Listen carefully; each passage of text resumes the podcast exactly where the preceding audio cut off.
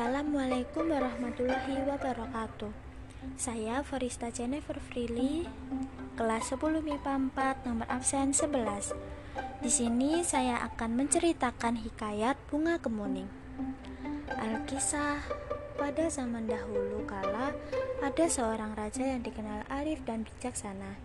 Ia memiliki 10 orang putri berparas cantik jelita bernama Putri Jambon, Jingga, Nila, hijau, kelabu, orange, merah merona, dan putri kuning. Tetapi karena terlalu sibuk mengatur kerajaan, sang raja tidak sempat mendidik mereka dengan baik. Sementara sang istri telah meninggal dunia ketika melahirkan si bungsu. Sang raja terpaksa menyerahkan pengasuhan anaknya pada inang pengasuh kerajaan. Ternyata sang inang pengasuh tidak kuasa mengasuh seluruh putri raja. Hanya si bungsulah yang berhasil dididik dengan baik hingga menjadi anak yang selalu riang, ramah pada setiap orang, dan memiliki budi pekerti baik. Sementara kakak-kakaknya tumbuh menjadi anak yang manja dan nakal. Mereka tidak mau belajar dan membantu sang raja. Setiap hari mereka kerjanya hanya bermain di sekitar danau. Suatu hari, sang raja hendak berkunjung ke kerajaan lain dalam rangka menjalin silaturahmi. Untuk itu, ia mengumpulkan seluruh putrinya. Kepada sang raja berkata, "Aku hendak pergi ke kerajaan lain selama beberapa minggu. Buah tangan apa yang kalian inginkan?" Tanpa menimbang-nimbang lagi, si sulung berkata, "Aku ingin perhiasan yang mahal." Permintaan yang hampir serupa, mahal dan mewahnya juga diajukan adik-adiknya. Hanya putri kuning sajalah yang mendekat dan memegang lengan ayahnya sambil berkata, "Aku hanya ingin ayah kembali dengan selamat." Sungguh baik perkataanmu, wahai putriku. Mudah-mudahan saja aku dapat kembali dengan selamat dan membawakan hadiah yang indah untukmu, kata sang raja. Singkat cerita, setelah sang raja pergi, kelakuan anak-anaknya malah menjadi semakin malas dan nakal. Bukannya bersedih, mereka malah merasa gembira karena selain sang raja, di seluruh kerajaan tidak ada yang berani melarang. Kesempatan ini mereka pergunakan untuk membentak dan menyuruh para inang pelayan sekehendak hati. Melihat hal itu, Putri Kuning segera mengambil sapu dan mulai membersihkan taman kesayangan ayahandanya. Dedaunan kering dirontokkannya, rumput liar dicabutinya. Sementara kakak-kakaknya yang melihat Putri Kuning sibuk di taman malah mencemooh. Lihat, tampaknya kita memiliki pelayan baru. Hai pelayan, kami masih melihat banyak kotoran di sini, ujar salah seorang kakaknya sambil melemparkan sampah ke arah taman. Sejurus kemudian, mereka pun langsung menyerbu dan mengacak-acak taman.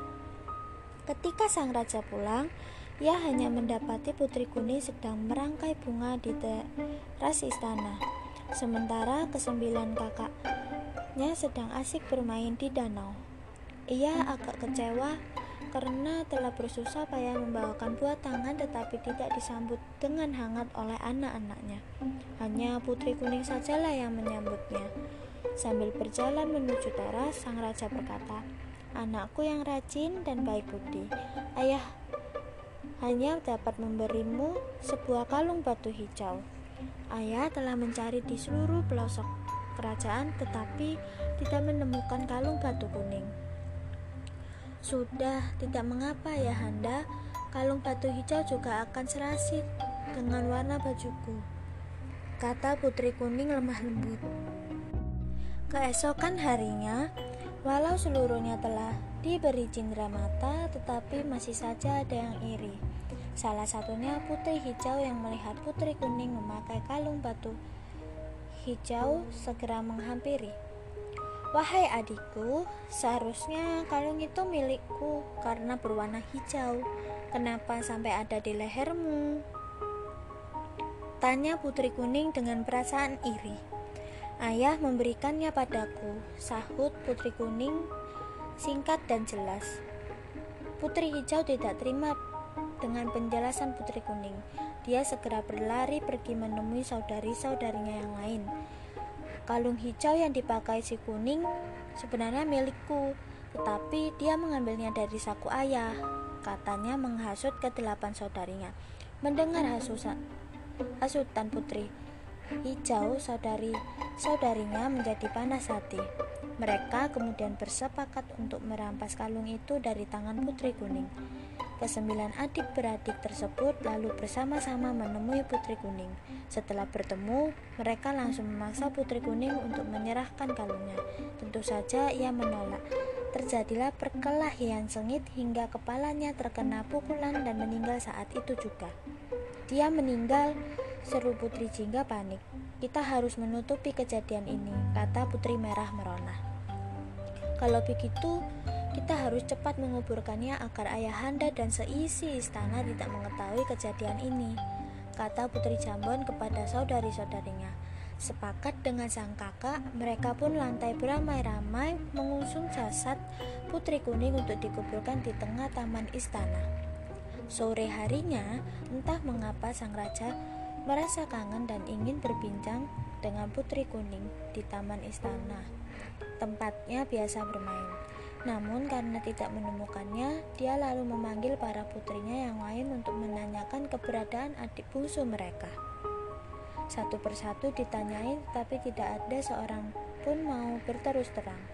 Khawatir akan keberadaan dan keselamatan putri bungsunya, raja lalu meminta para pengawal kerajaan untuk mencarinya ke seluruh penjuru istana. Hai para pengawal, cari dan temukanlah Putri Kuning, teriaknya gusar. Pencarian Putri Kuning selama berhari-hari hingga berminggu-minggu di seluruh penjuru istana tentu saja sia-sia. Belaka, karena telah dikubur sangat rapi oleh saudari-saudarinya hingga tidak ada yang bisa menyangkanya.